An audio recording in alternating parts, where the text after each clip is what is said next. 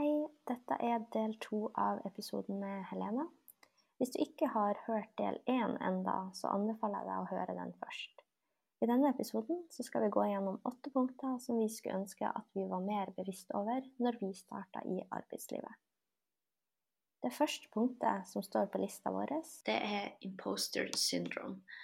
Og det er jo noe som også har blitt nevnt i alle episodene i denne podkasten frem til nå. Eh, og det er jo også kjent som bedragersyndromet på norsk. Det betyr at man føler at sin egen kompetanse ikke strekker til, og man er på en måte alltid redd for å bli avslørt som en bedrager fordi man ikke kan det man skal gjøre. Eh, og dette har jo du holdt kurs om, og du kan gjerne ta oss litt gjennom dette fra et kanskje litt mer teoretisk perspektiv.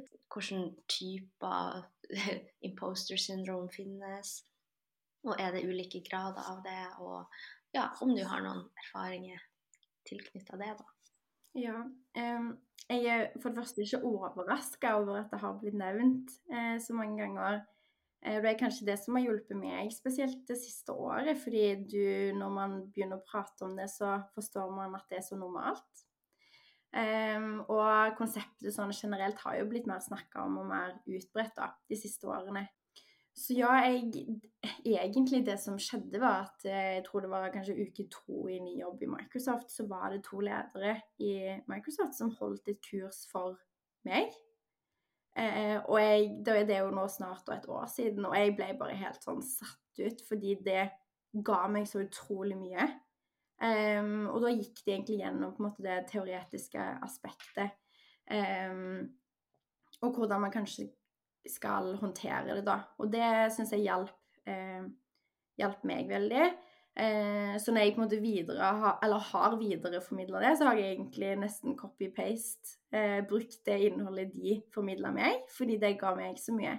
Eh, og det som egentlig Det første jeg på en måte vil si, er at eh, for at man skal skjønne hvor normalt det er, så sier de på en måte at det er 70% av alle mennesker har opplevd imposter syndrome.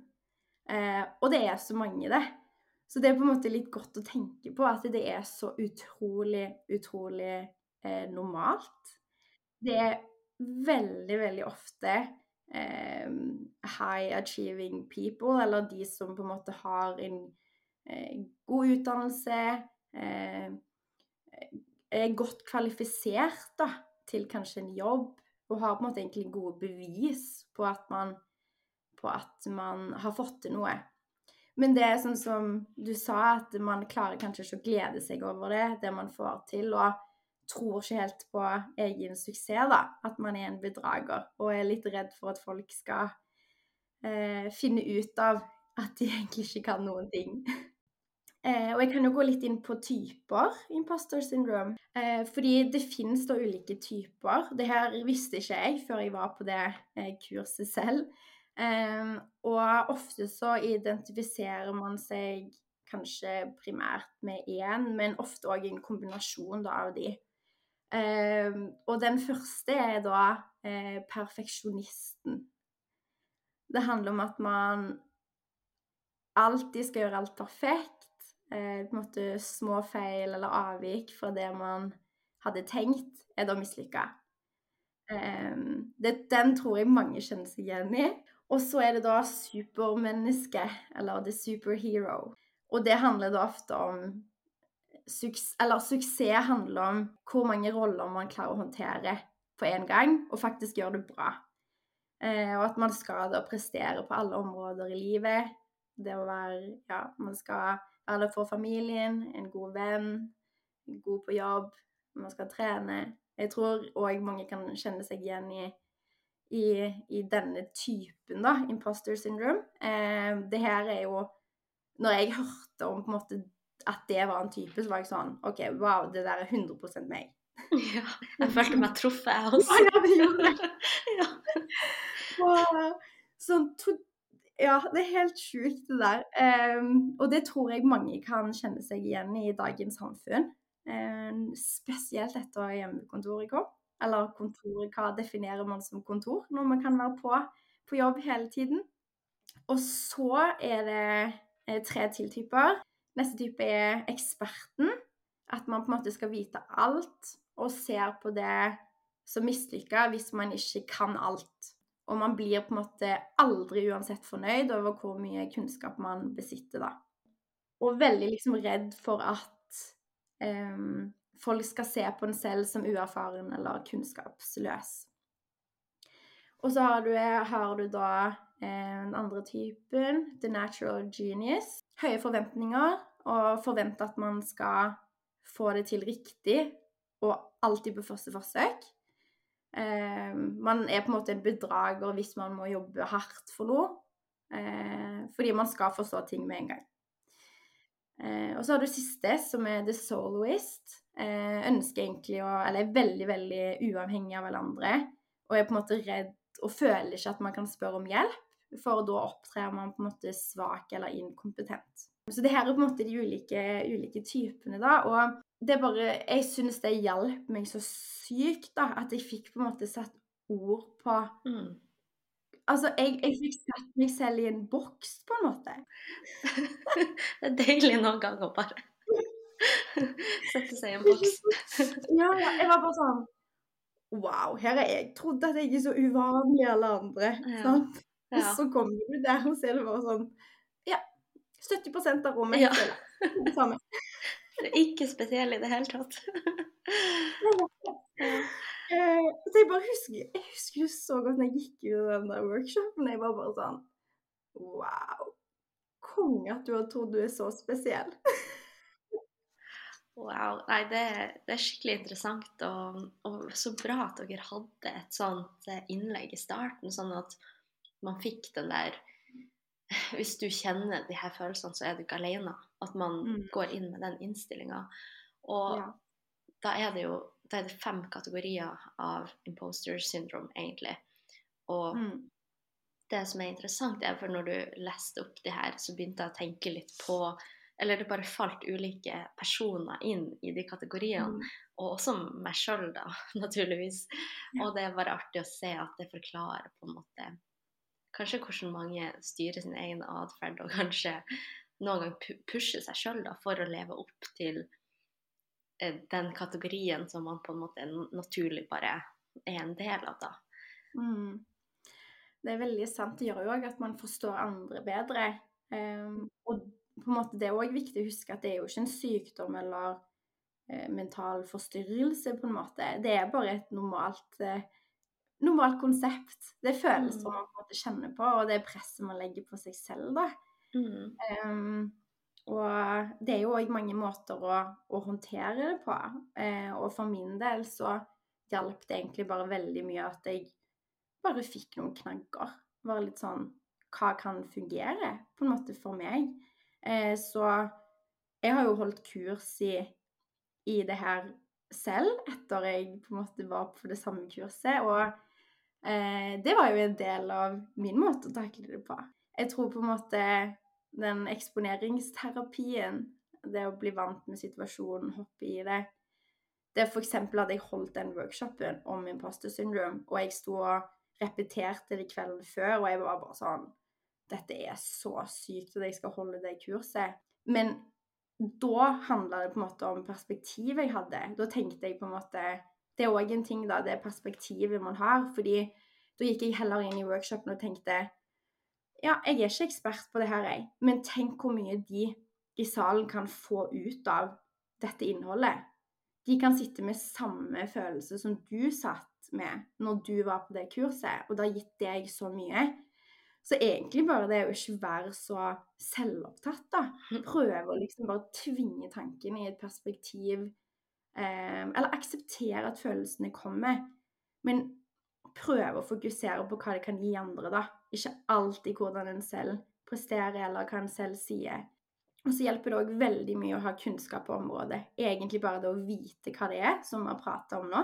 Forstå at det er normalt. Mm. Eh, det har hjulpet egentlig meg veldig mye. Fordi jeg vet på en måte at følelsene kommer. Akkurat sammen når jeg skulle inn i denne podkasten her. Det sa jeg jo til deg òg. Og jeg var bare mm. sånn på en måte Når vi prata om det, så tenkte jeg sånn Nei, det der kan jeg ikke gjøre. Jeg kommer jo til å Altså, tenk de følelsene. Altså, det kommer til å bli maraton i hodet, tenkte jeg, liksom. Men så prøvde jeg å snu det sånn OK, men det er jo Tenk hvis noen kan lære noe av meg, da. Eller jeg kan hjelpe noen andre med det jeg sier. At jeg kan gi noen tips til noen nyutdanna. Eh, og det er på en måte det perspektivet jeg prøver å fokusere på, selv om det er dødsvanskelig å styre Mm. hodet.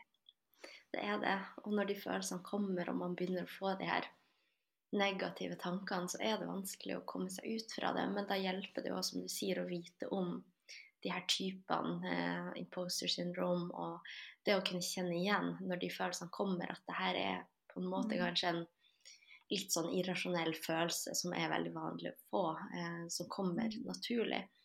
Eh, og da er det jo veldig gode tips, som du sier, det her med å snu mindsetet litt, da, og, og egentlig ikke Altså, alt handler ikke om deg sjøl alltid. og på en måte se deg sjøl i et større perspektiv. Eh, og da blir man nok Jeg tror man klarer å se ting på en annen måte, da. Eh, og for Mm. min del så hjelper det veldig å tenke at eh, man er likestilt. Eh, for med, jeg føler at imposter syndrome handler jo òg om at du kanskje setter noen andre høyere enn deg sjøl igjen. Så du Mm. føler at du må matche dem, eller at du skal være over noen. Så derfor må du vise at du kan så mye. Men hvis man bare tenker at man er egentlig på samme nivå alle sammen, så Mm. mister jeg i hvert fall litt det der følelsen av at jeg må prestere eller bevise noe ekstra, fordi man er egentlig bare på samme nivå alle sammen.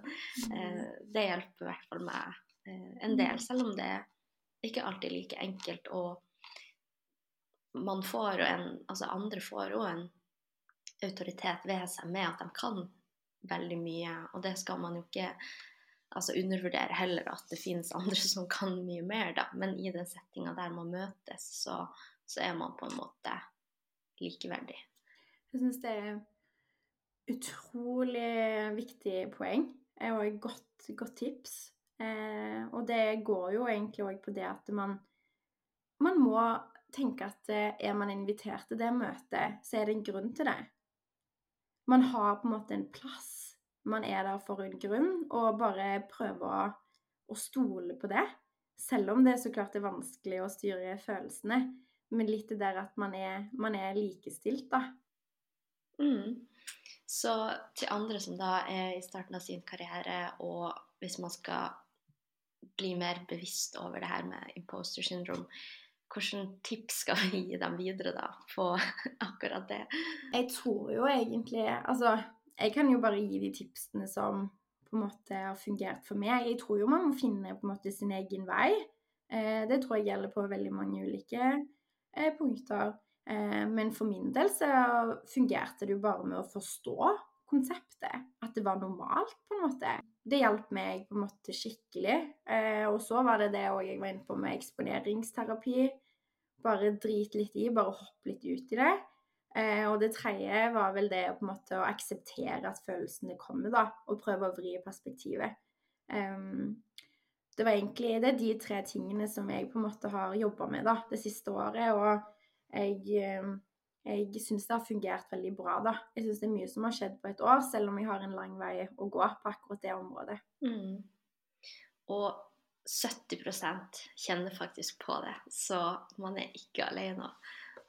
Det, de andre som du sitter sammen med over bordet eller ved siden av, Mm. de kan like så godt kjenne på akkurat de samme følelsene som, som, som deg sjøl, da. Og jeg syns jo at det er en veldig fin bru over til neste punkt, punkt to da på lista vår. Eh, og det er at næringslivet består av folk flest. Ja. Eh, det punktet Bare Jeg syns denne her er så viktig, da, fordi når jeg var student, så er det sånn Jeg husker hvor respekt jeg hadde for næringslivet. Og det, altså det skal, man, skal man ha, men jeg tror jeg på en måte tenkte at det, Hva kan jeg som student bidra med? Jeg kan jo ingenting, på en måte. Og det gjorde på en måte Eller den respekten for næringslivet da jeg var student, eh, det gjorde at jeg syntes det var så skummelt å begynne å jobbe. Eh, og det tror jeg òg mange kan kjenne seg igjen i. Eh, jeg syntes det var så skummelt å skulle være i møter med noen som hadde jobba i ti år. For jeg var litt sånn hvorfor skal, jeg, hvorfor skal jeg være her, på en måte? Jeg har jo ingenting å si. Jeg har jo ingenting å komme med. Men etter hvert er det sånn Du skjønner at det, det er på en måte Man er bare et menneske. Ledere er òg et menneske. De som har viktige titler, òg bare mennesker. Og man skal liksom ikke skimse over hvor mye man kan bidra med som nyutdanna eller fersk i næringslivet. Eh, man har kanskje ikke erfaringen eller senioriteten som de som har jobba i 20 år. Men man har det engasjementet og den driven og den læringsvilligheten. Og vet hva, det trumfer så mange ganger. Um, så jeg syns det liksom er viktig å, å, huske på det, da. At den der bruk, den der driven man har, da. Det engasjementet eh, som det er veldig mange som kanskje mister etter hvert. Når man har vært lenge i næringslivet og jobba i mange år. Mm. Absolutt, jeg er helt enig. og denne eh, driven er så viktig. Og, og, i hvert fall de nye perspektivene også som følger med at man er fersk. Man ser ting på en annen måte. Man har forslag til hvordan ting kan gjøre annerledes. Man, man er ikke redd for å ta i et tak da. Og jeg tror at hvis man får en følelse av at her er det noe jeg kan bidra med, så bare gjør det. Ikke vær redd for at, at eh, andre andre burde foreslått det, eller siden ingen har nevnt det, så skal det ikke gjøres. Det kan være fordi de ikke har tenkt på det engang. Mm. Og jeg kjenner meg veldig godt igjen i den her å komme ut i næringslivet da og ha veldig mye respekt, som man skal ha, som du sier. Men den overraskelsen over at det er bare folk, og de glemmer å svare på mailer, eller de glemmer noe som man allerede har nevnt, og de er ja, de er bare mennesker. Og den erkjennelsen kom egentlig veldig tidlig av at alle man omgås, er bare mennesker og kan være like surrete og vimsete og vet ikke alt heller. Og det, det, er jo bare det at ja, den der frykten som man kanskje har for næringslivet, den datt eh, ti hakk ned, kanskje, egentlig i begynnelsen. Og ikke noe sånn slemt mot noen, noen av de jeg møtte i det hele tatt. Men det er bare det at de er mennesker, og, og man setter dem jo litt opp på en sånn pidestall eh, fordi man ikke kjenner til det fra før av, da. Så mm. ja. Veldig, veldig enig. Det er jo ja, man har respekt, men man skjønner at folk er mennesker, da. Og òg det at man er god på ulike ting. Ikke sant? Det er på en måte OK um, Det første teamet jeg jobbet i da, så er det sånn OK, han ene var dødsflink på det faglige, men OK, kanskje jeg kan komme inn og bidra med god struktur i teamet. Altså, man må på en måte bare skjønne liksom sine egne styrker og svakheter og spille på det man, man kan, da. Og sånn som vi òg har prata om, så fort teknologien går nå, så er det jo Man blir jo fort ny. Nybegynner. Uansett om man har vært ti år i bransjen eller, eller ett. Mm. Og så tror jeg òg kanskje det handler om at man Eller jeg, jeg tenkte litt på det der handle, at det handler litt om at man må gjøre det på litt sin egen måte. Jeg har merka av og til Altså når jeg på en måte var ny, da, så var det akkurat som jeg måtte Hvis jeg så en god eh, tekniker, så ville jeg kopiere han, jeg. Jeg var litt sånn eh, han jeg jobbet med på den tiden, var sånn Jeg må bli akkurat som han, fordi han er jo så flink. Eh, og i starten så på en måte prøvde jeg på en måte bare nesten copy-paste en annen person. Eh, fordi at han gjorde det jo bra.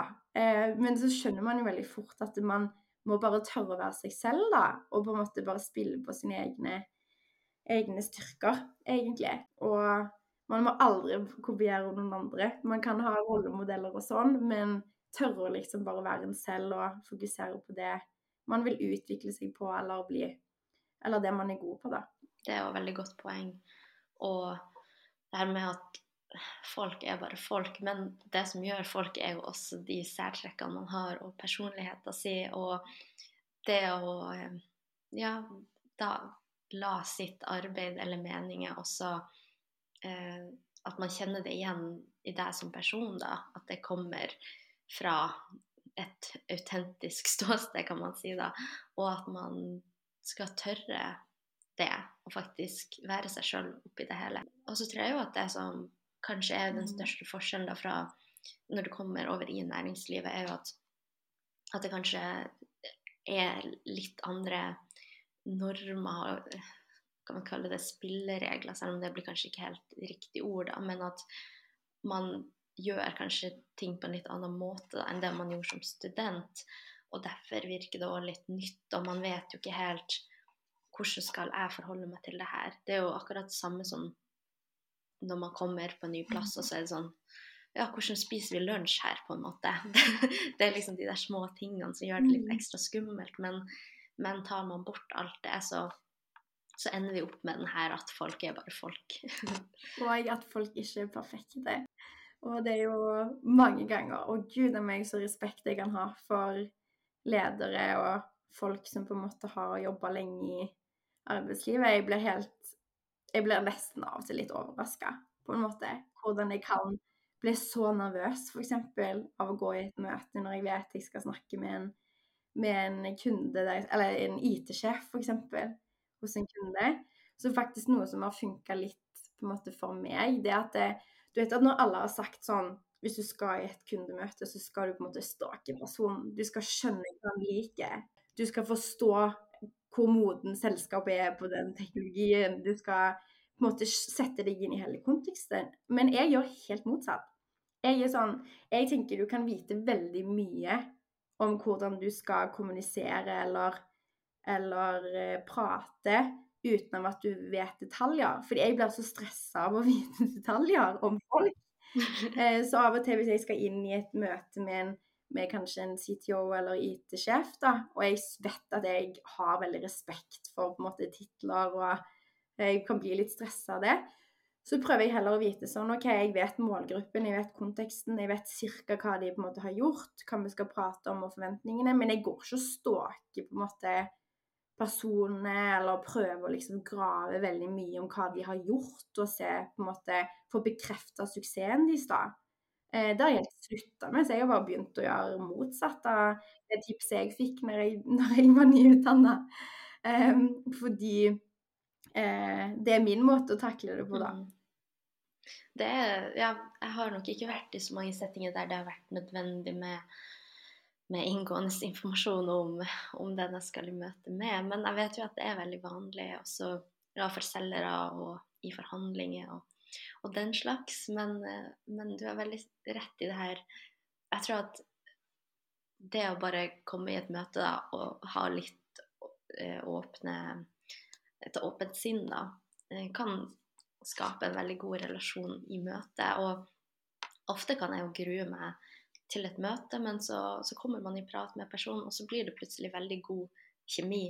Eh, og til tross for at det er gjennom en skjerm som oftest, så er det god stemning i møtet. Og, og det, det, går liksom helt fint, og man, man, klarer å møte hverandre, da. Fordi begge tuner seg litt inn på hverandre også. Mm. Veldig sant. Så da blir vel konklusjonen at ja, man skal ha respekt for folk, men folk er likevel bare folk, og ingen er perfekt. Ja, enig. Neste punkt har vi snakka litt om allerede, um, og det er at uh, du har ikke dårlig tid. og du kan jo spille litt videre da, Helena, på uh, på de tankene du hadde, eh, som du kjente på? Ja, det var jo Vi har jo faktisk vært litt uh, inne på det. Men nå snakker jeg jo på en måte litt personlig om hvordan jeg følte det. Men det var jo liksom det der jaget, da. Spesielt de første to, to årene, kanskje. At jeg var litt sånn Jeg må ha den planen. Litt som vi prata om. Jeg ble så stressa av å ikke skjønne hvor jeg skulle henne. Og jeg tror på en måte kanskje grunnen er fordi når man er nyutdanna, så har man Altså, man skal jobbe så lenge. Og man er vant med å være på et studie som kanskje er tre år, to år eller fem år. Man har på en måte et tidsperspektiv. Men så kommer man liksom i arbeidslivet, og så er det sånn Gud, jeg skal jobbe i hvor mange år? Det er 67 Altså, 67 år, det er så lenge. Og jeg følte det ble litt sånn OK, wow, jeg har alltid hatt en plan for livet mitt jeg må jo på en måte ha noen Jeg må jo ha en knagg, jeg må jo ha et mål. Jeg må på en måte eh, være sånn, Jo, men jeg ser jo på meg selv som ambisiøs. Altså, jeg må jo på en måte ha, ha planen, på en måte. Og det syns jeg var veldig vanskelig. Jeg tror det òg ja, gjorde at jeg begynte på en måte å jage veldig sånn Jeg måtte ha det opprykket, jeg måtte gjøre det bra på den leveransen, og klarte kanskje ikke helt å nyte på en måte det jeg fikk til, da. Jeg tok på en måte ikke de pausene um, som jeg tror er veldig viktig å ta. Fordi at man blir jo aldri ferdig. Man får jo ikke graden på en måte som man fikk på studiet. Så ja, jeg har eh, brukt mye tid på det her og på en måte akseptere at jeg ikke ennå vet hva jeg vil bli når jeg blir stor. Og det er jo òg ulikt fra person til person, men i hvert fall for min del så er det godt å akseptere det i, i større grad enn jeg gjorde før, i hvert fall. Mm. Ja, jeg kjenner meg veldig igjen i det der også. Den der følelsen av å ville så mye. Og når man er ferdig med utdannelsen, så er man, man er så klar til å bare ta mm. tak i alt, på en måte, og man vil gjøre alt så fort.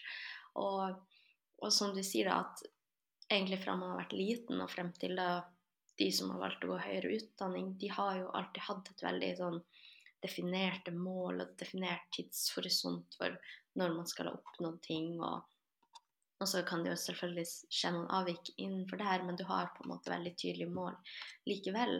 Og så kommer du til, ut i arbeidslivet der der man har en veldig lang tidshorisont, og det er mye som er uvisst. Man vet jo ikke hvor lenge man blir en plass, og så har man jo plutselig all verdens muligheter også foran seg. Og jeg kjente i hvert fall når jeg kom ut i arbeidslivet, at det var så mye å lære seg også. Jeg følte at jeg hadde jo det grunnlaget fra universitetet, men det var så mye nytt, det var så mange nye bransjer, det var så mye å forholde seg til. Det var alltid nye prosjekter å kunne være med på som på en måte også var veldig langt fra hverandre. Så jeg kjente jo òg veldig på den der Men hva er det jeg skal kunne? Hva er det jeg kan? Hva er det Skal jeg kunne alt, på en måte? At det ble jo litt sånn overveldende eh, i seg mm. sjøl også. Samtidig som man sitter på den der eh, rastløsheten og bare vil oppnå et eller annet som man egentlig ikke helt vet hva er. Og det er så sant. Det er kanskje det er derfor det er så vanskelig, for man vet ikke helt hva man vil oppnå, på en måte. Det er overveldende og bare sånn Wow, her skal jeg jobbe i x antall år, men hva betyr det, på en måte? Så jeg tror jo på en måte litt så konklusjonen er som vi prater om, at det, um, noen har åpenbart en plan, har funnet sitt fagfelt, men det er utrolig normalt at man ikke har det. Og det er eh, veldig, veldig lov. Og òg litt det der man var inne på at det, altså 70 tror jeg, eller 80% av jobbene sikkert for 50-70 år siden, eksisterer jo ikke i dag. Altså sånn, Det kan jo godt være at vår drømmejobb, den, eh, den er ikke definert, den. Det Nei, vi må bare vente og se, tenker jeg. Absolutt. Og, og, det er jo som du var inne på tidligere, at uh, man burde heller kanskje bare tenke at hva liker man å gjøre? Vil man, vil man jobbe med folk? Vil man ha ansvar? Liker man å samarbeide? Eller liker man å jobbe selvstendig. Og heller eh, bli mer tydelig på de tingene, da, for det er enklere mm. å, å, søke seg mot. da, Og så vil jo muligheter komme og gå, og, og nye fagområder og arbeidsområder også, som du sier, at eh, det er nok veldig mange nå som har fått øynene opp for teknologi og kunstig intelligens, som de kanskje ikke så på som et interessant fagfelt for et mm. år siden å jobbe med. da. Jeg husker jeg var en gang på et Eh, jeg deltok på et sånn leder, eh, en lederkonkurranse da, som var arrangert av Start og IT. Og så husker jeg at det var en av sjefene i banken da, som, som holdt en sånn åpningstale til oss. Og så sa han at eh, han skjønte at eh, i rommet så var det veldig mange ambisiøse unge mennesker, og sikkert da med lederambisjoner. Men han sa men dere har ikke dårlig tid. Ikke, ikke, bli leder med en gang. Dere har et så langt arbeidsliv. Dere må ha noe å se frem til. Dere må lære litt mer og ta det helt med ro. Og det husker jeg veldig godt, den talen da. For da, det, jeg tror det er da det begynte å bli et sånn Ja, planta et frø om at OK, det er lov å ta det litt med ro, og du må ikke oppnå alt med en gang. Selv om det ikke alltid er like lett, da, fordi den der følelsen av å ville kan jo være veldig sterk, og den er jo der å skape et slags uro også eh, i hverdagen noen gang. Ja, åh, det er så sykt egentlig Veldig interessant det du sier. Um, og det er jo egentlig bare Det er jo spot on. Det er sånn Jeg tror på en måte det har òg endra seg veldig for meg. fordi når jeg begynte som konsulent, så var jeg sånn OK, da skal jeg opprykk til seniorkonsulent. Så skal jeg bli manager, og så er det direktør. Jeg var veldig sånn Da skal jeg bare bli leder. Det er liksom, Jeg skal få til det innen x antall år. Men det var jo på en måte Når jeg har begynt å reflektere, så er det jo litt sånn Man har jo så god tid. Og når jeg prater med mange ledere òg i det selskapet jeg jobber i, men òg sånn generelt i næringslivet, så er det jo mange av de som sier Wow, jeg skulle ønske at jeg venta med å bli leder. Jeg skulle ønske at jeg hadde en mer faglig tyngde før jeg tok det steget. Så det er på en måte litt det der å skjønne at det, for noen så er det kanskje helt riktig å gå ledersporet og bli leder i, i, en ung alder, eller at man ikke har like så mye erfaring. Men, men det at man tør å på en måte eh, Ja, egentlig eller følge hjertet sitt, da. Eller kanskje følge interessene sine. At man, man tør å på en måte ikke gjøre det alle andre tror er suksessfullt, da. Eller det kanskje samfunnet forventer mm. er suksessfullt. Helt enig. Og så konklusjonen der blir vel da at eh, ja, som punktet heter, man har ikke dårlig tid.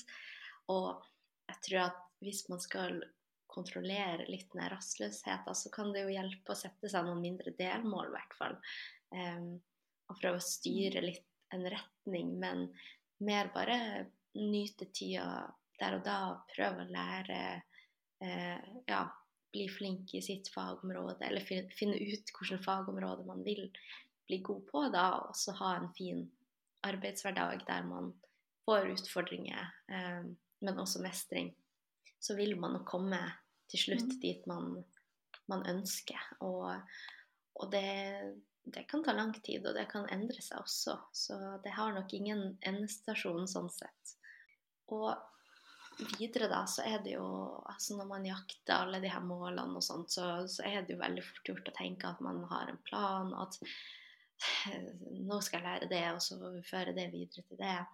Men punkt nummer fire på lista vår er at utviklinga di er ikke lineær. Jeg syns det òg er et viktig punkt å, å, prate om, fordi perioder av livet det kan kreve mer av deg på privaten. Og livet er ikke alltid, alltid lett. Og av og til når man er på jobb, så tror man at det er nesten det eneste man, man, man gjør. Jeg merker iallfall jeg går på jobb av og til, og jeg tenker jo ikke over om noen andre har sovet dårlig, eller om det er noe som noe, noe, som preger de på privaten. Men det har jeg liksom erfart selv, at det, de første to og et halvt årene så var det på en måte sånn Uansett hvor tøft det var på privaten, eh, så regulerte jeg aldri arbeidsmengden. Jeg forventa at jeg skulle levere like bra uansett. Og det tror jeg på en måte er så viktig å huske på at det er tøffere perioder utenom jobb òg. Og at man må på en måte klare å regulere innsatsen sin eh, på jobb. For det er kanskje det eneste man faktisk kan styre. Mm. Man kan ikke styre alltid hva som skjer på privaten, men det kan man egentlig på jobb. Og jeg står ikke og oppfordrer til at man ikke skal gi en god innsats på jobb, det er på en måte ikke det jeg mener. Men gi seg selv litt slekk, da. Hvis det er tøffe perioder, så er det lov til å regulere innsatsen og arbeidsmengden, kanskje, på, på jobb. Mm. Og det Nå snakker jeg på en måte av personlig erfaring, og jeg tror ikke jeg hadde klart egentlig Altså, jeg forsto ikke dette når jeg, start, når jeg var nyutdanna. Det her er noe på en måte som bare har kommet av erfaring, da. Eh, når jeg har jobba i tre og et halvt år. Men òg veldig glad for at jeg kanskje har forstått det såpass tidlig òg. Um, det er jo ikke lett å regulere alle, eller sjonglere alle tingene man skal prestere på i livet, men det er utrolig viktig å fokusere på det tidlig. Mm. Utrolig viktig punkt uh, å ha med og også bli bevisst over. Og jeg tror jo at, i hvert fall for de som kanskje ville satt seg i denne superheltkategorien mm. under imposter syndrome, så vil i hvert fall denne være viktig. fordi da ønsker man jo å prestere på absolutt alle områder i livet sitt. Både privat og profesjonelt og ja, fritid. Og det kan være vanskelig um, å gi slipp da, på en, Mm. en av de områdene fordi man ønsker å være 100 på alt. Men det er viktig, som du sier, å gi seg slekk i perioder der ting kan være krevende av ulike grunner. Og det har jo jeg også personlig erfaring med. Og jeg tror det som var viktig for min del, eh, var at det var så mange som hadde prata om det så åpent Mm. til meg. Og jeg tror nok at mange har fanga opp at, at jeg ønsker å prestere mye. Så jeg har jo alltid hørt at men nå må du være litt forsiktig, du kan roe litt ned da.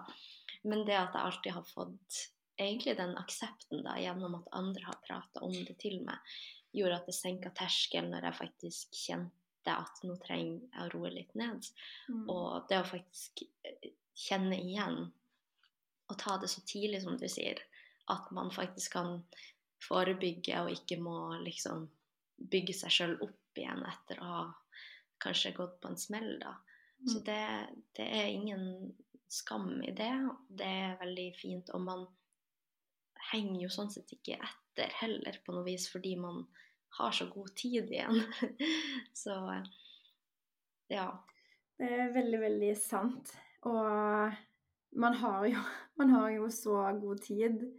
Og, men det er veldig sant det at det, For det du prater om, er jo at det egentlig systemet rundt deg, eller kulturen kanskje på jobb, legger til rette for at du kan regulere. Og det òg er viktig å, å tenke på. Um, det var en periode jeg jobba veldig mye og begynte å sende meldinger til teamet mitt på søndager. Uh, og det var jo fordi jeg var superengasjert og ville bare få, uh, få på en måte uh, gjort unna arbeidet med litt ro i helgene. Men det jeg på en måte ikke skjønte der og da, var at da oppfordrer jeg jo andre til å gå utenfor sin eh, work-life balance, om vi kan si det sånn. Og de ble stressa fordi jeg jobba mer enn de, eller ikke innenfor eh, åtte til fire. Eh, Så det liksom å ha systemet og kulturen, at de legger til rette for at man kan ta de gode valgene, da. Det tror jeg er veldig, veldig viktig. Og der må jeg òg bare skryte masse av både mine kolleger og, og arbeidsgiver. Eh, Det her med faktisk ha den åpenheten og aksepten for at noen perioder i livet kan være litt eh, Eller kreve an, et annet fokus, da. Og at man legger energien sin en litt annen plass. Og det å få lov til det, og at det blir ikke det blir ikke uglesett på noen måte. Det helt greit, det, for det er sånn livet er. Ja, og så tror jeg òg man må tenke på det at eh, work Man må òg respektere på en måte motsatt òg, på en måte. At eh, work-life balance er jo individuell. Noen vil jobbe åtte til fire, og andre vil jobbe mer eh, av ulike grunner. Og at man må på en måte respektere at man er, man er ulike, da. Men jeg syns på en måte man må, man må tenke på det her Det går jo litt på det der at man Ja, man må ikke tenke at man alltid skal være utenfor komfortsonen. At man alltid skal utvikle seg, og kanskje nyte de periodene òg der det er rolig fordi det er et maraton. Men vi er jo på en måte en del av eh, generasjonen perfekt. Alt skal, man skal på en måte være så flink da, og alltid utvikle seg og alltid prestere. Eh, men det er veldig fort gjort å bli, bli utbrent eh, hvis man ikke klarer å regulere jobb, fritid og, og privat. I spesielt det òg vi prater om når kontoret er overalt. Kontoret er ikke bare åtte til fire på jobb lenger. Um, så jeg tror på en måte man må man, man bør jobbe med sin egen balanse og hva og sine verdier da, rundt, rundt jobb og fritid eh, ganske tidlig. Um, og prøve å ta valg basert på det. Og det å ta et bevisst ansvar for det, da, faktisk. Jeg har nevnt en del ganger før i, i episodene å, å, ha, å sette på automatisk at eh, alle varslene skrus av klokka fire. Med mindre du Mm. kanskje har et viktig prosjekt som du må følge ekstra opp, da, men, men når det egentlig ikke skjer noe spesielt, så kan man like godt ta det ansvaret sjøl og, og ikke eksponere seg for de mailene som kan tikke inn fordi det er andre som liker å jobbe på kveldstid. Mm. Og at det er helt greit at man må designe sin hverdag litt sjøl, da. Og, og gi rom til det overskuddet eh, som gir deg energi, da. Om det er å trene eller være med venner der du ikke blir eh, plutselig opptatt fordi det tikker inn en mail som du ikke nødvendigvis svarer på engang, men som du begynner å tenke over bare fordi at du så den. Mm. Så sykt sant. Og så er det jo Ja, alt handler jo på en måte om sin egen balanse. Altså, jeg kan på en måte ikke si at jeg er flink på dette punktet heller, fordi jeg har vært så dårlig på akkurat det her. Jeg har hatt liksom jobba veldig, veldig mye de første årene i karrieren. Eh, men jeg skjønte da at det var fordi jeg hadde så dårlig tid. Og det er jo bare det er jo forventninger til en selv. At jeg forventa at jeg skulle på en måte prestere hele tiden. Men hvis man på en måte begynner å tenke over, så er det mye som ikke haster. Eh, så jeg tror at før i start, når jeg var så usikker på min rolle og ikke hadde på en måte Ja, var nyutdanna, da, eh, så tror jeg jeg syntes det var så vanskelig at når jeg fikk en oppgave, så følte jeg liksom et jag på at jeg måtte bli ferdig med en gang. Og når du da tikker inn oppgaver i hytte og pine, så eh, kunne det bli veldig overveldende, og jeg følte kanskje jeg måtte jobbe så mye. Men det handler jo egentlig bare om meg selv. Det handler ikke om arbeidsgiver eller teamkultur eller noe sånt. Det handler om at det, no, det har jeg liksom virkelig måttet jobbe med selv, da. Og være litt sånn Haster dette så mye som jeg tror? Nei, det gjør egentlig ikke det. Og hva er faktisk det aller viktigste du må gjøre nå? Eh, fokusere på de viktigste arbeidsoppgavene. For da skjønner du egentlig at det er mye du kan, kan utsette. Absolutt. Og det handler jo nok også mye om hvordan man er som person. Og jeg får jo veldig mye glede av å bare få ting unna så fort som mulig. Og Mm. det blir jo nesten en avhengighet. Men så er det jo egentlig ikke så viktig. Men, så det er jo nesten litt sånn egoistisk at man bare vil gjøre unna masse. Eh, Men så haster det egentlig ikke. Men det skaper jo et stress i ditt eget liv, og ja, du jobber litt mot deg Mm. sjøl, da. Så, og der finnes det Mm. mange gode verktøy man kan bruke, og andre sånne prioriteringsmatriser og sånt for å hjelpe seg litt i den tankegangen. Men, eh, men det krever litt øving, og, og jeg merker også stor forskjell på meg nå kontra når jeg begynte. Eh, når jeg ikke var så bevisst over det og ikke klarte å regulere det på, på samme vis som i dag, da. Så ja. Det er mange gode tips inni det her, og eh, innenfor et veldig viktig punkt da, med at man må gi seg sjøl slack til å eh, ja, kanskje prestere på de viktige eh, områdene i livet når det krever det, og at jobb er på en måte kanskje det du kan styre aller mest. Eh, hvis du har ting på privaten som, som du ikke har kontroll over, og at noen perioder er mer hektiske enn andre, og ja, bli flink til å regulere det på sin måte, og det vil ikke hemme din utvikling heller. Neste punkt er og da er vi på punkt fem. Man blir mer hardhuda av å skille jobb og seg sjøl personlig. Um, denne her har jeg jobba veldig mye med de, de siste årene. Um, I starten så var jo egentlig jeg litt sånn Det er òg personlig og individuelt, da. Men jeg var veldig sånn at gikk det bra på jobb, gjorde jeg en god presentasjon, så var livet bra. Hvis jeg eh, gikk på jobb og det var en vanskelig situasjon, eller jeg ikke følte jeg eh, gjorde det bra eller strakk til, så merka jeg det veldig på humøret. Og så jeg egentlig at eh, humøret mitt ble styrt av jobb, da.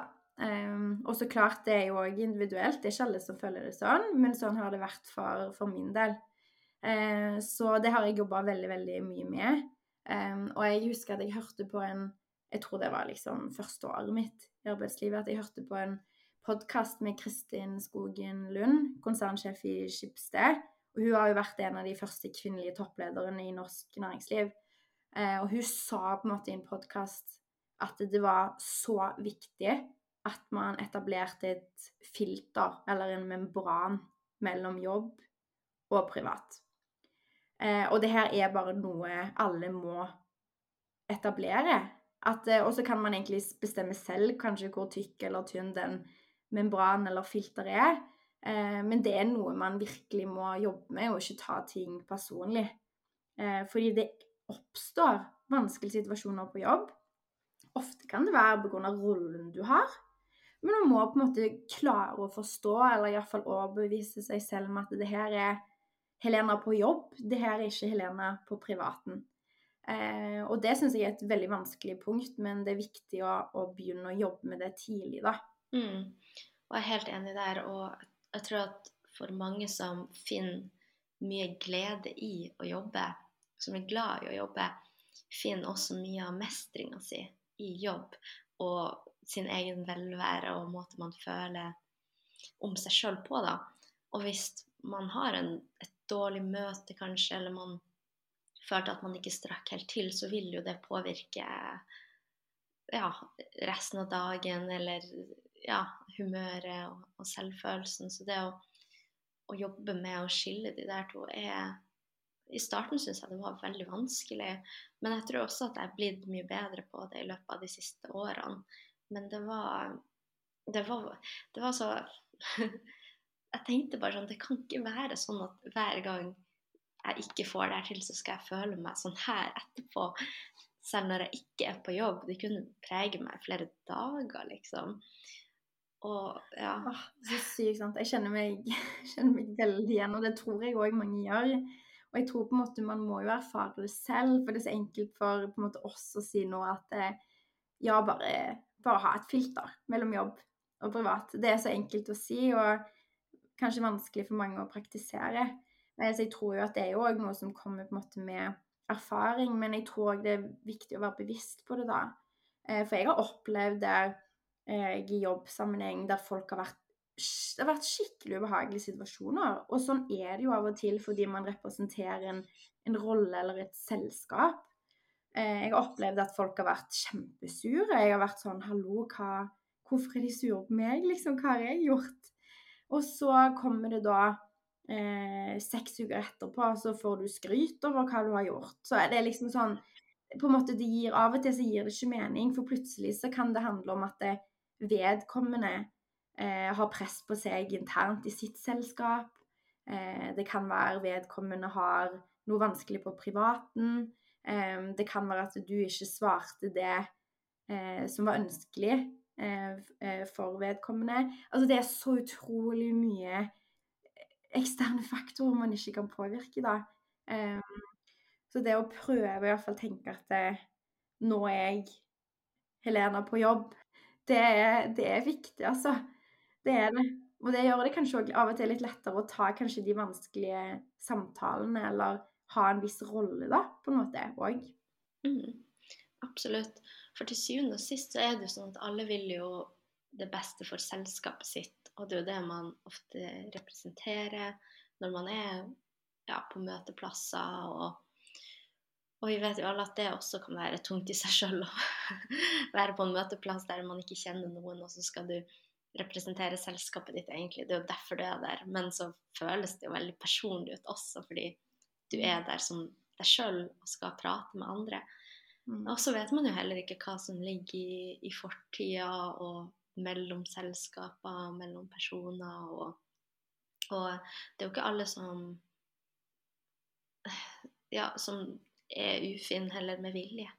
Det, man kjenner dem jo ikke så godt heller alltid, og noen må man bli bedre kjent med. Det har jo vært tilfeller der jeg også har følt at jeg ikke har kommet så godt overens med enkelte som jeg plutselig kommer veldig godt overens med i ettertid, fordi man bare har lært hverandre å kjenne og, mm. og ja, kanskje skille litt mer den her jobb og privat. At det ikke er meg som person nødvendigvis heller.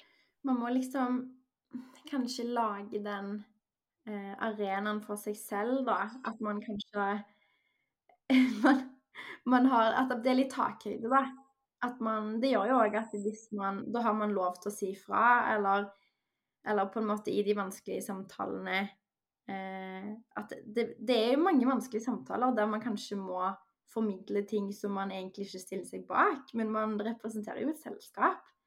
Um, oh ja, Det var så viktig på en måte å tenke på det, og at andre er i samme situasjon. da. Det handler ikke alltid om, om deg selv. Nå kommer vi litt tilbake på det. Men eh, ja, en jobb er jo er jo, du er jo egentlig en tjeneste for selskapet du jobber i. Så man må, det er så brutalt som det, så man må egentlig tenke litt på det òg. Absolutt. Og så kjenner jeg sliter litt med å komme med et sånt konkret tips, fordi jeg vet ikke om de her følelsene kom som et resultat av at man er ny og kanskje kjenner enda mer på det her imposter syndrome, og det forsterker den der følelsen av at eh, ting blir personlig også. Eh, mm. Og at det på en måte etter hvert bare har forsvunnet litt etter hvert som man er blitt mer varm i trøya, kan man si. Eh, eller om det faktisk er noe man jobber med da, bevisst. Det, jeg kjenner For min del så er det litt vanskelig å, å, mm. å skille og, og, se tilbake på hva er det egentlig som har gjort skapt den forandringa i meg sjøl, da. Ja, jeg er faktisk ganske enig. Jeg syns det er vanskelig å bare gi et konkret råd på punktet, fordi jeg vet på en måte ikke helt hva jeg har gjort selv heller. Jeg tror jo det er litt det der at man er fokus Altså at man vet det. Man, man observerer det og, og, prøver å anerkjenne det. Eh, og så kommer jo på en måte med, med, erfaring, da. Men jeg tror på en måte at hvis de som er nyutdanna, vet at det eller hører, hører, på på en måte at Eller vår opplevelse av det, da. Så kanskje den erfaringen kommer raskere fordi man kjenner det igjen tidligere, da. Det må vi jo håpe på at, eh, at det hjelper å høre, i hvert fall. Og, og, igjen det her med å bare vite at Og det er egentlig det som er hele poenget med denne podkasten også, å vise at du er ikke alene i de følelsene som oppstår.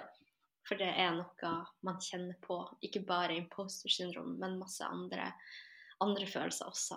Det det er ofte, ofte sånn man kan føle det sikkert når man er eh, helt fersk i arbeidslivet, men også for de som har vært en stund i arbeidslivet. Så tipset er vel bare da at man, eh, man kan skille mellom jobb og er personlig. og så må man kanskje finne litt ut sjøl hvordan man ønsker å bli mer bevisst over det. En annen ting vi ønsker å ta opp, punkt nummer seks, det er å være åpen om hva man ønsker på jobben, og ikke holde det inni seg sjøl. Jeg tenker jo, jeg har jo vært litt inne på det, for eksempel, eller eksempelet med når jeg ringte han direktøren når jeg var student. Um, at jeg tror på en måte det er så sykt viktig å tenke på at man Man må si hva man vil. Altså Og av og til vet man jo det ikke, men, men på en måte man må Hvis man vet hva man vil, så er det veldig viktig å tørre å, å si det. Fordi hvis ikke, så kommer ikke mulighetene. Og jeg syns det er så mange ganger der jeg hører fra venner og andre bekjente at de slutter jobben sin fordi de ikke har fått mulighetene de ønsker. Eh, og da er jo på en måte òg mitt oppfølgingsspørsmål OK, men har du sagt det? Fordi at vi mennesker er jo ikke Vi klarer jo ikke å lese tanker. Um, og man må Det er jo litt vondt av og til å si jeg har lyst på den rollen, eller jeg har lyst til å utvikle meg på det området fordi jeg er ikke like god på det, eller jeg har lyst til å få din jobb. Altså, det er jo ikke behagelig å si det. Men man må på en måte tørre å liksom litt hoppe ut i det som vi prater om, da. Fordi jeg har veldig troen på at eh, Jeg kaller det flaksballer. At man må på en måte si litt hva man ønsker, den, og den gangen da muligheten dukker opp, så blir du kanskje ringt opp, da. Eller du, de husker på deg i den situasjonen der de vurderer kandidater. Så jeg prøver liksom å på en måte hva kan jeg si, rettferdiggjøre for meg selv av og til når jeg syns det er ubehagelig å si OK, men jeg har lyst til å jobbe for å få den rollen der. Så prøver jeg å tenke sånn Ja, men husk at du må Du må Husk flaksballene. prøver liksom å skylde litt på det, fordi jeg syns mm. det er ubehagelig. på en måte. Og jeg tror ikke jeg er den beste på det ennå. Eh, jeg vil bli enda bedre, men det er på en måte en av mine mål framover. At jeg skal bli enda tydeligere og, um, og tørre da, å si at det har jeg lyst til, selv om det er litt uh, skummelt. Ja, og det der er Jeg tror jeg hørte for lenge siden når jeg gikk på universitetet, at det var noen som nevnte noe om at man måtte si ting høyt. fordi da vet andre om det, og at den personen hadde fått en mulighet bare fordi at han hadde sagt det høyt. Og siden da har jeg jo tenkt på det, og, og hver gang jeg har stått overfor en situasjon der jeg kanskje har trengt en type kompetanse, eller ja, trenger å ta kontakt med noen, så har jeg bare spolt tilbake i hodet og bare Å, den personen sa jo at den ville lære mer om det, eller den personen har sagt at den kan hjelpe med sånn og sånn. Og da har jo jeg tenkt, siden jeg på en måte har fått det bevist for meg sjøl, at jeg må jo òg da si sånne ting høyt hvis det er noe jeg ønsker å få til. Og det er jo ikke alltid man vet heller hva man ønsker å få til. Litt tilbake til det her men når man kommer inn i arbeidslivet, så er alt så nytt, og man vil egentlig bare si ja til alt. Men etter hvert så, så finner man kanskje ut noe som man er litt ekstra interessert i. Og da, da, kommer jo kanskje Da er vi jo litt inne på janteloven igjen. At man kanskje At det er der det ubehaget stammer fra. At man sier at jeg har lyst til å bli mm. skikkelig god på det. For da, da føler man kanskje at man sier allerede at man kanskje har et talent for det, men at man skal bli bedre ja. i det, og så er man litt redd for å kanskje bli dømt for at noen andre tenker skal du bli god i det? Du, mm. du forstår jo ikke det engang, liksom. At det, at det er det tankemønsteret som kommer opp, og det er derfor det er litt ubehagelig å faktisk si det høyt, da. For det blir jo en slags Med en gang man sier ting høyt, ikke sant, så blir det jo mer sant. Eh, og det er trygt å bare mm. bevare det inni hodet. Men, men det, det er som du sier, man må bare tenke forbi det ubehaget. Og tenke at det kan føre til muligheter.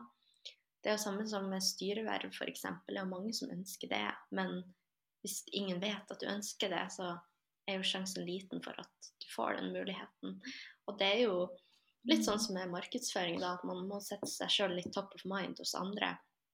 Hvem skal de tenke på når de tenker på neste styrekandidat, f.eks., eller en som er flink til å holde presentasjon, eller ja, sånne type ting, da. Så man må sette seg i mm. posisjon for å, å få noen muligheter også. Mm, det er så sykt sant. Det, jeg stiller meg veldig, veldig bak det. Og så har jeg òg lyst til å dele på en måte en måte man kanskje kan eh, si det uten å være så direkte. Fordi eh, det man òg kan gjøre, f.eks. det å eh, si du har kanskje en rollemodell på jobb, da, som er i en lederposisjon, sier du vil ha den posisjonen, så kan du òg på en måte spørre om kaffe være sånn Wow, du, altså, du inspirerer meg. Hvordan kan jeg bli som deg? Istedenfor å si sånn Jeg har lyst til å bli ekspert på det fagfeltet. Så kan du på en måte bruke noen andre sin rolle eller andre sin posisjon da, til å på en måte egentlig si hva du vil. Det har faktisk jeg gjort et par ganger. Eh, og det er utrolig på en måte Alle liker jo å prate om seg selv, eller iallfall være til hjelp for andre. Så hvis du da prater med på en måte vedkommende, så syns jo de det er veldig kjekt å gi deg triks og tips og hvordan, eller hvordan du kan komme dit, og hvordan eh, Eller å høre deres historie, da. Så prøver kanskje å vri litt om på hvordan man kommuniserer det òg, hvis man syns det er skummelt å være sånn Jeg vil bli ekspert på det fagfeltet, som jeg skjønner er skummelt å si, da. Det var veldig godt tips. Det har jeg faktisk aldri tenkt over. Så på den måten i hvert fall. Så det var veldig bra. Da tenker jeg vi kan gå videre til eh, neste punkt. Eh, det syvende punktet, da, og nest siste, er å finne en bestevenn i anførselstegn på jobb som du kan dele ting med. Um, grunnen til jeg tenkte på det, er fordi um, jeg hadde da en For så vidt hun har blitt en av mine beste venninner. Um, og vi starta sammen som graduate i, i Sobasteria. Og vi har på en måte bare vært liksom en duo siden da. Og det har vært så utrolig godt for meg, syns jeg, å bare ha noen å ventilere med. Eh, fordi det vil aldri være perfekt. Du vil aldri være alltid, alltid være enig om alt som blir gjort på jobben, og det vil være vanskelige situasjoner som, som oppstår, og, og, sånn som det. Um, og da er det på en måte så viktig å ha noen å, å prate med det om, så du faktisk klarer å la det, la det ligge, da. Ja, jeg er helt enig. Det å bare få den der lille debrifen med noen som ja, du føler du kan stole på. At det ikke blir en sånn Du føler ikke at det var negativ prat, men det var mer ventilering for din egen del, og også kanskje å forstå en situasjon bedre. Og, og også ha et litt sånn trygt anker. Um, og jeg husker jo altså sånn før jeg kom ut i arbeidslivet, så har jeg hørt veldig mye på podkast og, og alle de her som anbefaler at man skal ha mentorer og veiledere. og og så er det jo mange som spør sånn Ja, men hvor finner jeg en mentor? Hvor finner jeg denne veilederen? Og, og, svaret var jo ofte at det skjedde egentlig helt tilfeldig, fordi det er to personer som bare kommer overens, og så utvikler det seg en slags mentorrelasjon. Og jeg tror det på en måte skjer litt på jobb òg, da, at du finner de her som, som du kjenner deg igjen i, da, og at man forstår hverandre og man kan lene seg litt på. Så, så jeg tror at det er noe som også må komme litt naturlig, da, at man ikke tvinge det på, på noen heller. Nei, det er veldig, veldig sant. Men jeg tror Ja, man må jo på en måte finne ut hva som passer en selv, da. Men eh, for min del så har det liksom vært den der tryggheten, da. At jeg vet at jeg alltid er noen jeg kan, kan prate med. Eh, og jeg vil jo på en måte heller på en måte eh, prate om de tingene med eh, Altså en, en partner, eller en, en, eh, en, en bestevenn, da, på jobb, enn at jeg har så mye følelser at jeg lar det gå utover noen andre. Så det er på en måte, iallfall for meg som har veldig mye følelser i meg, så har det vært på en måte eh, vært, vært, veldig bra for min del, da. Og selv om jeg har bytta jobb, så bruker jo meg og, og hun venninna mi Vi bruker jo eh, hverandre ennå. Eh, så klart, vi må jo Det vi så klart kan si, da, i enkelte tilfeller, men vi gir hverandre råd, og man, man, vet at man alltid har noen å prate med som kanskje forstår en, da. Eh, som har vært i litt samme situasjon, og det, det hjelper veldig, syns jeg. Mm, absolutt. Det er jo noe med å ha noen som er innenfor samme samme hva man skal si, sfære, da. At man forstår seg litt på de strukturene som finnes der også. Eh, at det blir litt annerledes. Altså, man kan jo prate selvfølgelig med venner og familie hvis man føler for det, men det vil eh, Man treffer en annen dybde med noen som er kanskje i, i samme jobb eller i samme bransje og har vært litt gjennom det sjøl, kanskje. Så det siste punktet da, eh, på vår liste er det viktigste du gjør, er å stille spørsmål. Jeg syns egentlig det her er et veldig, veldig viktig punkt, og er kanskje mitt nummer én tips til både liksom studenter, men òg de som er ferske i arbeidslivet. Egentlig generelt hele arbeidslivet. Fordi det å stille spørsmål, det gjør på en måte at man, man viser interesse, da. Eh, jeg tror òg det gjør at man lærer mer, og at man utvikler seg fortere. Men hvis man ikke stiller spørsmål som nyutdanna, så blir man sett på som uinteressert og ikke kompetent. Punktum. Det er iallfall min, min uh, mening. Eh, og det håper jeg virkelig at de som er nyutdanna eller tidlig i karrieren, kanskje tenker på. Fordi man kan aldri bli tatt for å stille spørsmål. Man viser jo på en måte bare, bare interesse. Eh, og hvis man ikke gjør det, så tenker jeg at konsekvensene er såpass eh, eller man, det negative konsekvenser, mener jeg, da. Fordi man blir ikke sett på som mer kompetent da, for å si det sånn. Nei. Og man lærer jo heller ikke hvis man ikke stiller spørsmål. Så det er, som, som du sier, altså hvis, hvis, noen stiller et spørsmål, så viser de at de er interessert. Og ofte så vil jo den man stiller spørsmål til, være såpass interessert også at den syns bare det er fint å, å svare på det spørsmålet. Og og kanskje man kan få en fin diskusjon også, fordi at det ene spørsmålet leder videre til noe annet igjen. Og at man mm. får spille litt på hverandre, da. Det er veldig sant. Og så tror jeg òg man tenker med at man kommer unna veldig mye når man er ny de første årene. Og man må bare bruke måte muligheten, da. Fordi det er på en måte de, Du kan på en måte stille de dummeste spørsmålene som finnes uten at man på en måte blir tatt på det fordi man er ny man er nyutdanna, man har ikke den erfaringen i bunn. Så jeg tenker jo at man har en ganske mye mer fleksibilitet holdt jeg på si, enn de som har jobba i 20 år, da. Selv om jeg mener at alle skal stille spørsmål. Men bare ha null skam og på en måte bruke, bruke det, da. Jeg har i hvert fall null skam i min jobb, og jeg har òg lært meg til kanskje hvordan jeg kan formulere spørsmålene uten at Altså hvis man syns det er et flaut spørsmål å stille, da. Eh, så for eksempel så bruker jeg ofte sånn eh, Jeg vil bare dobbeltsjekke at jeg har forstått oppgaven riktig. Eh, men Og så stille spørsmålet. Fordi da på en måte har man Man kan få svaret på en måte at man er interessert. ja, jeg, jeg, bruker akkurat samme teknikk.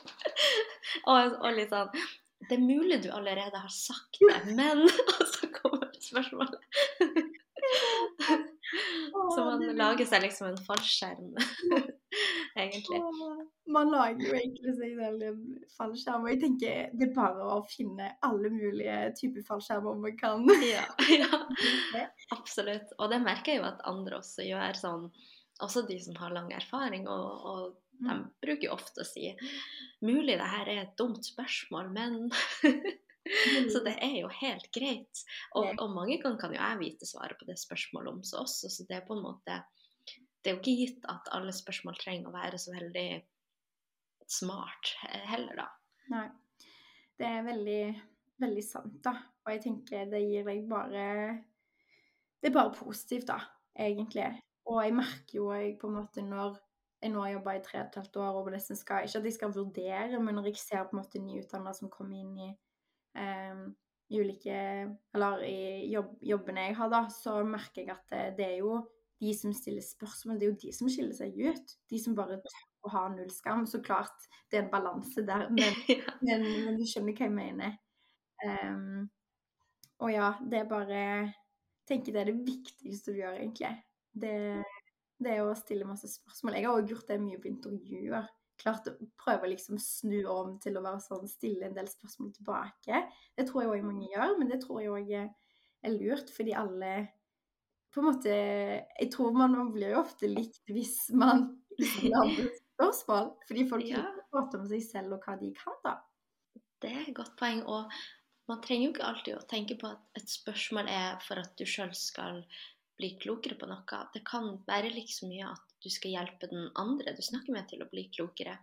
Så hvis du kanskje ikke vet hva du skal si, eller ikke har noen spørsmål som egentlig du lurer på, så kan du stille spørsmål som får den andre til å reflektere litt mer, og kanskje eh, at de blir klokere. Ja, det er et veldig godt poeng. Det har jeg ikke tenkt på. Men ja, det der at man kan nesten på en måte ja, fasilitere litt for andre òg, egentlig. Det er ikke alltid en selv som skal lære noe, eller en selv som skal forstå noe mer, men at man kan passe på kanskje at alle andre i rommet eller alle andre i møtet er på samme bølgelengde, kanskje. Ja, og så tror jeg òg at hvis man sitter i et stort møte med mange folk, da, at, at det kan være lurt å tenke at man bare skal ha tatt ordet litt tidlig. Eh, sånn at hvis du faktisk har noen spørsmål senere, så er det lettere å stille det fordi du allerede har sagt noe. Fordi man føler seg kanskje ikke så høy i hatten hvis det har gått 50 minutter i møte, du har ikke sagt ett ord, og så kommer det plutselig noe du lurer på, som du begynner å tenke sånn Er det her et dumt spørsmål? Skal jeg stille det eller ikke? Så, så det å bare kanskje ha sagt noe litt tidlig i møtet kan òg være en, en fin strategi. Åh, det er så sykt godt poeng. Og faktisk så fikk jeg det tipset faktisk for litt siden, fordi da prata jeg på en måte med noen andre kvinner fra i teknologibransjen i Oslo, og da sa hun at det var en sånn taktikk som hun gjorde, fordi ofte syns hun at det det syns for så vidt jeg òg, at det kan være vanskelig å komme inn hvis det er kanskje veldig mange som har mye erfaring, eller eh, Ja, hvis man ikke på en måte Av og til tør man rett og slett ikke å bare si meningen sin. Eh, men hun, en, hun hadde da en taktikk om at det, hun hadde liksom alltid Hvis hun hadde et poeng i møtet som hun ville få fram, så sa hun det òg tidlig, sånn som du sa. fordi da hadde du på en måte lagt lista der. Da hadde du på en måte sagt noe. Og sånn som du sa, enklere å komme inn senere òg. Fordi da har man en knagg eller et holdepunkt. da. Mm.